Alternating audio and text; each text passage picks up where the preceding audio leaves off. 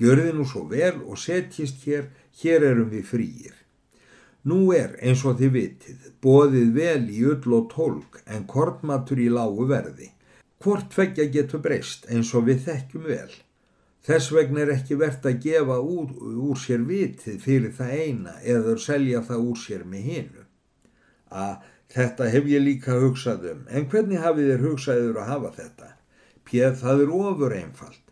Við gefum þrem skildingum minna fyrir ullarpundið en þeir heima hafa gjört ráð fyrir. Það er vel borgað eigað síður.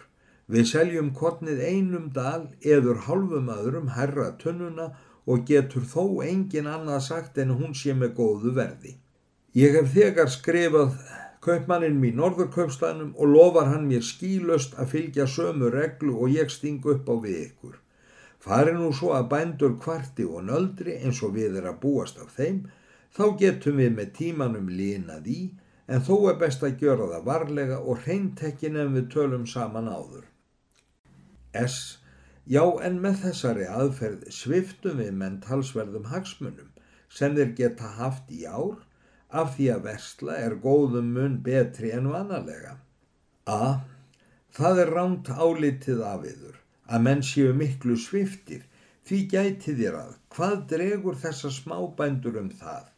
Hér verður ekki stór summa af þessu lítilræði sem þeir versla með en þegar það kemur í eitt stað þá munar það þó. Þeim ríkari getum við gefið ögna rýfra því annars kunnaður að bjóða byrgin og þjóta á aðra staði ef ekki er búið að fjötrað á áður með skuldabandi. Þessa aðferð hefur herra P. kent mér og það hefur mér dreyið rjúast að fylgja ráðum hans. S. Já, ég þekki húsbónda minn svo að ég veit hann kann mér litla þökk fyrir að ég svona á báðar síður drægi í hans sjóð á kostna landa minna móti fyrirlagi hans. P. Haha, já, satt er það S að þér eru barn í þessum sökum. Hvað kemur allt þetta húsbónda eðar við? Þér sínið hún líklega jafn lítið afreikninga bænda sem þér sínið bændónu reikningskapiðar við hann. Es, það er þá yðar meining að ég drægi það í minn eigin sjóð. Að auðga mig þannig á sveita landa minna, það hef ég enga samvisku til og það væri líka hrópleg synd. P. Synd og samviska. Já, það eru kvikindi sem ekki blanda sér mikið í verslunarsækir og hafa þar líka lítið að gjöra. Ég er þegar komin að þeirri niðurstöðu að þér viljið engin góðra manna ráð hafa nýja heyra. Þér ættu þó að gæta þess að það er stundum vald völubeinið á þessum stórkaupmönnum og fullur grunur er mér á því að húsbóndiðar sé ekki svo rótgróin að hann get ekki oltið um koll og hvað liggur þá fyrir yður annað en steipast á höfuði líka ef þér ekki reynið að búa ofilítið í hægin fyrir yður áður og það er yfir mátulegt þá. S. Það fel ég drotni allt saman og kvíði ekki fyrir ná dettur. Svo farið þér þá til helvíti, saði P. og stökk á fætur, því hann gæti ekki stíft reyði sinni lengur yfir stípni S. S let ekki segja sér tvis var að fara. Honum fannst að vera sín þar lengur myndi sér til lítillar uppbyggingar. Hann tók því hatt sinn og gekk út og voru stuttar hverjur. P. Mikill bölvaður asni er þessi strákur. Hann er ósveianlegur. Mér þykir nú allra vest hversu opinskár ég var við hann. Hann hefði helst ekkert átt að heyra á tali okkar. Þetta nöyt. Að það held ég herra pér, það gjöru svo sem ekkert til. Mér líst svo á að hann hvorki geti gjört af sér ílt nýja gott. Pér fjandin má vita það. En það er sama. Við skulum sjá hvort hann ríkir hér lengi. Velt hefur verið þingrallassi. Eftir þetta skilja þeir og var kvorur í góðu skapi og pér þó síður. Var þá skamt eftir nætur. Þennan sama morgun litlu fyrir fótaferðatíma komu þau Jón á hóli til kaupstaðarins. Jón fór afsýðis með lest sína, tók þar ofan klefjarnar því hann vildi fyrst tala við þá kaupmenn áður en hann hampaði fyrir þeim vörum sínum. Jón gekk síðan heim að húshonum, hittist svo á þegar hann kom að húsi pje að eldabuska opnaði dittnar og skengdist um. Og sælvertu nú stúlka mín, saði Jón og gekk til hennar, sælvertu. Er kaupmaður búin að klæða sig? Ég er nú ekki vön að klæðan og veit ekkert um það, sagði hún, gekk inn og skellt í lás. Jón hyggur að býða til þess kaupmaður kemur út því honum sínist lítil uppbyggingi því að tala við hjú hans ef þau veru öll lík því eina. Hann gekk því aftur til farangur síns og segir hversu kurtislega honum var tekið. Já, það er þokkalegt and, því ég skot hans pakk þetta að arna. Ég held maður þyrti þó að fá sér hressingu eftir þetta nætur gaufsaði Vigfús og stökk af stað heimað húsinu. Þegar hann kemur þar hittir hann hennar sömu stúlku úti fyrir dýrum. Góðan daginn, Jónfrú góð. Það verður að virða það Vigfúsi til vorkunar þarð hann var úr fjarlægri sveit þótt hann ekki vissi að hún fyrir rúmu mánuði hafði skotið inn í heiminn tvíburum og kent sitt kvorum. Góðan daginn, herra minn, með leifa að spyrja hvað heiti þér eður hvar eigi þér heima? Þakkiður fyrir ég heiti Vikfús, norðan úr sveitum, en hef verið í Reykjavík og farið víða. Það er nú fljótlega auðséð á yður, hafið þér verið á ferði nótt má ég spyrja. Og já, það hef ég verið og er nú farin að langa í hressingu, dragast er aldrei á fæturköpmennir hérna. Öðruvísi minni mig það væri í Reykjavík þó þeir væri í fasta svefni þegar heyrða ég væri komin þá þötu þeir strax á fætur. Skildi það, ætliðir síu skári en drömbarnir hérna herratni þar, ekki síst þegar aðrir eins menn koma, en vil ég nú ekki gjöra svo vel og koma inn og þykja hjá mér kaffi.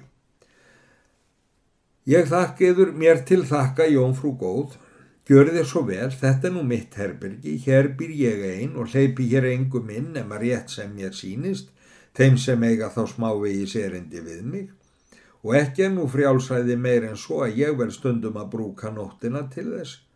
Það gjör nú raunir ekki til fyrir þá sem eru kunnir og vita hvar ég er.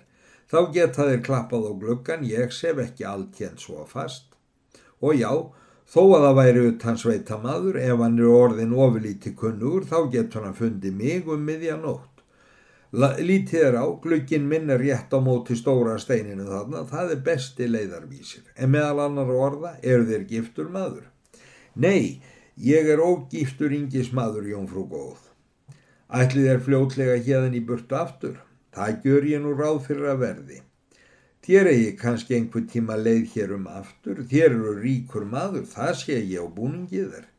Og það myndiðu sínast ef þér sæjuð í kistu handraðan minn. Þar eru fáinnar kringlóttar og nú svo á ég nú sitta hverju dött og lifandi þar fyrir utan. Og ég á nú dál til líka og satt er það, væn á ég nú föttin, ég er nýbúin að koma mér upp þessu nærpilsi sem hangir hérna. Maður getur nú ekki fengið betra í pils en þetta, það er nú skrítið. Lítið er á, svona er það nú auðvitað og sjáu þér hvernig það er að innan og hvaða er skjól gott, tækið er á því. Og hvað hafið þér nú kostað svona pils? Ég veit það ekki vel hvað það hefur kostað, ég fjekk það hjá kunningja mínum, það fenn nú ekki allt upp á reikning okkar á milli. Þér ættu að fara að fá yfir hér undir kaupmannstöðu, sá gamli þarf þess með að fá sér einhvern annan eins mann og þér eruð. Hann er farin að eldast og verða styrðu. Ég veit heldur ekki hvort hann er orðin svo sjóngóður að það megi ekki fara öfni í kringum hann og drýja svo kaupið sitt. Það getur dreyið ef það er oft gjört en hann munar ekki um það. Þér skulið ekki þurfa að kaupiður þjónustu. Ég skal geta föttonum í þar. Ég hef gaman að að hugsa með um eins falleg fött og þér eigið og svo fyrir, verður mér ekki fyrir að sauma flík hef á liggur. Ég saumaði vetur hempu handónum sér að jóni og þótti nú engin handar skam. Hanna nú þar síður upp úr getilskrattanum sagðun og hljóp út og sagði hálfum hljóðum um leiðum leta aftur hurðina og leita á vikfús, mann og kvinnu úr ímsum stað. Að litlum tímaliðnum kom hún inn með kaffið. Gjörði nú svo vel að þykja þennan botla af mér. Ég vildi að ég geti gefið úr kaffi á hverjum mótni. Æ geti það nú ekki gefið mér ofurlítend og opað brennivín í það, það hressin miklu betur. Jú, jú, jú, það er ég nú að vona. Hún sækir þá flösku og lítur í. Já, já, hún er þá full núna, segir hún. Þér megið ekki taka mjög mikið úr henni því að sá gamli satan saknar þess. Vigfús tók við flöskunni og held í botlan svo að flaut út á undir botlan. Æ, það var nógu mikið og það gjörir ekkert til. Ég segi að það hafi helst. Ég, já, ég segi, ég segi eitthvað. En hvað ég vildi segja, þér sögðust vera ógiftur. Ó já, en þá er ég það. En það verður nú ekki lengi nema þegar ég kem heim. Stúlkvefni mitt er hérna með mér. Í sama bíli heyrði strenjandi rödd úr annari stofu. Manga, hvud fjandan ert að gjöra? Því kemur það ekki með kaffið. Manga spratt á fætur eins og örværi skoti og hefði kannski hignar í maður vikfúsi verið í efa um hvort hún fremur tók viðbræðið fyrir kallið úr stofunni eða hitt að vikfús sagði ennum stúlkunna sína en nokkuð var það að hún greip í snatri bollapörn og sagði hún leið og hún þjöstnaðist út ég hef annað að gjöra en að sitja hjá þessum sveita flækingum.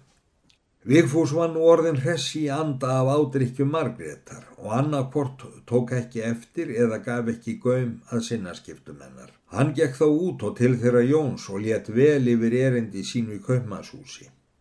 Jón gengur nú enþá heim og er þá kaupmaður pje úti og heldur ófrínilegur. Jón liftir upp hattinum og helsar honum og svarar hann því engu. Gæti ég ekki fengið að finniður um nokkur orð kaupmaður góður? Nú, nú, Hvað er það nú? E, mig langar til að tala viður ofilíti í næði einhver staðar. Og hvað viltu tala við mig? Nú ég ætla að tala um verslun og þess konar. Það getur þú gerna. Jón bjóst við því að kaupmaður myndi kalla sig inn eður eitthvað afsýðis en það varði ekki. Þeir stóðu svona æði langan tíma og ykti hvorugur og annan. Óvanur var Jón þessum viðtökum þar sem hann kom og var ekki löst við að honum sígi brún og var það um síður að hann gekk burt en kaupmaður inn. Jón gekk nú þanga til að hann kom að húsi á og gjörir bóð fyrir hann. Jón kemur von bráðar og helsar Jón honum. Hann tekur því all gladlega og spyr Jón að heiti og hvaðan hann sé. Og ég heiti nú Jón og á heima norður í sveit og kem hingað með ofilítið öllarhár af því átti ferð suður hingað. Gefið þér vel fyrir öll í ár? Já, við gefum vel fyrir hana. Og hvað mikið fyrir pundið ef ég má spurja? Hafið þér mikla öll sem þér ætlaði að versla með? Nei, ekki er það nú. Já, við gefum 20 skildinga fyrir hana kannski, ef hún er góð, annars tökum við hann ekki. Þér segið við. Ég hef nú ekki meiri öll en svo, ég ætla að versla við einn og ekki fleiri, en að öllin sé góð skal ég svara fyrir og er hún ekki sterklega útföl fyrir ykkar 20 skildinga verð. Býðir við, ég skal koma strax aftur. A hleypur inn og sækir hatt sinn, síðan gengur hann greiðlega til hús P. Jóni kemur nú í huga, þar muni verið eitthvað samband á milli þeirra kaupmanna og hugsa sem svo að eigi að sækja mála úrslitt um öll að verð til P, þá sé tröðlega bóta venda eftir því að dæma hvað hann var lipur og góður ákomu þegar Jón talaði við hann. Hann tekur því þar á það hann fer að finna fólk sitt og segir Þórði að leggja á hestan að það fljótast. Nú ætlar þá ekki að versla hérna eitt, segir Þórður.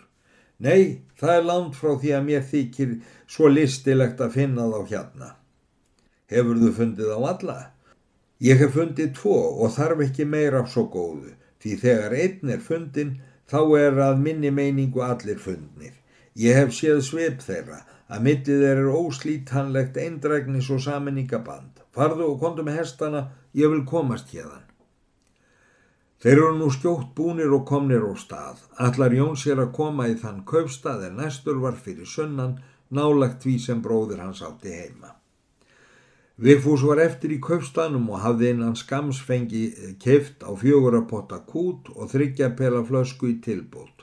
Hann vissi ekkert hvað Jóni leið og glemt hafðan Kristínu þá stundina. Þegar Jón hafði mjög skamt farið, heyrir hann kallað á eftir sér maður, lofið þér mér að tala við yður.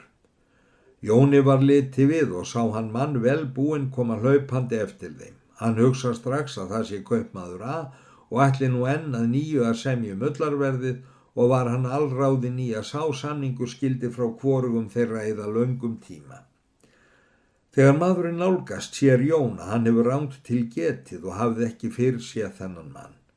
Hann hilsar Jóni og spyr hann að heiti og Jón segir þið sama. En hvað heiti þér?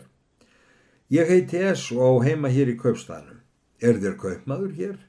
Já, svo er það nú að nafninu þó að það sé nú í því smá ennþá sem komið er, en stöðið er lesti niðar. Allir við komum okkur ekki saman um kaupskapin. Nú allir þið séuð ekki líkur hinnum og hinnir líkir yður, en ekki gjör ég mér margar ferðir til að finna þá heiðursherra.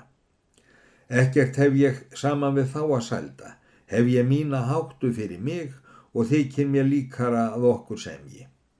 Jón kallar þá til þorðar og byður hann að býða sín. Síðan tala þeir um viðskipti sín og verða vel ásáttir. Snúa þau þá með lestina heim í köpstæðin og taka þar ofan hjá vöruhúsi S. Eftir það var þeim bóðið inn, öllum frá hóli og veittur hinn besti beini. Meðan þetta fór fram hafði Vikfús gengið með flösku sín í vasan með köpstæðin á enda og spyr hvert manna nafni og hverjum hvert hús tilheyrði og eða ótal fleiri óþarfra og heimsku spurninga og var þó engu fróðari eftir en áður. Nokkri fiskimenn frá Flandern lágu þar á höfnin um þetta bil sem þeim var títt fyrir öllu austurlandi þar sem skipalagi voru. Fiskimenn þessir gengu mjög á land og áttu ímsan kaupskap við bændur og aðra landsmenn og höfðu hvori tveggja svo að segja búið til nýtt tungumál sem þeir gáttu gjört sér skiljanlega á hvori við aðra og kemur hér setna fyrir lítið sínisotna því. Vigfús hafði frá barnæsku vani þessu viðrinni smáli og kunni ekki síður en sitt móðurmál og þó kvorugt vel. Hann tók nú hesta sína sem höfðu staði bundnir síðan hann komu morgunin og teimir þá fram á neseitt grasi vaksið sem lág með sjónum öðrum eigin fjardarins. Bæði til að koma þeim í haga og kannski líka til að vera ekki alfara vegi með kúthóluna. Hann sleppir þeim þar sem hæðbar milli hans og búðanna.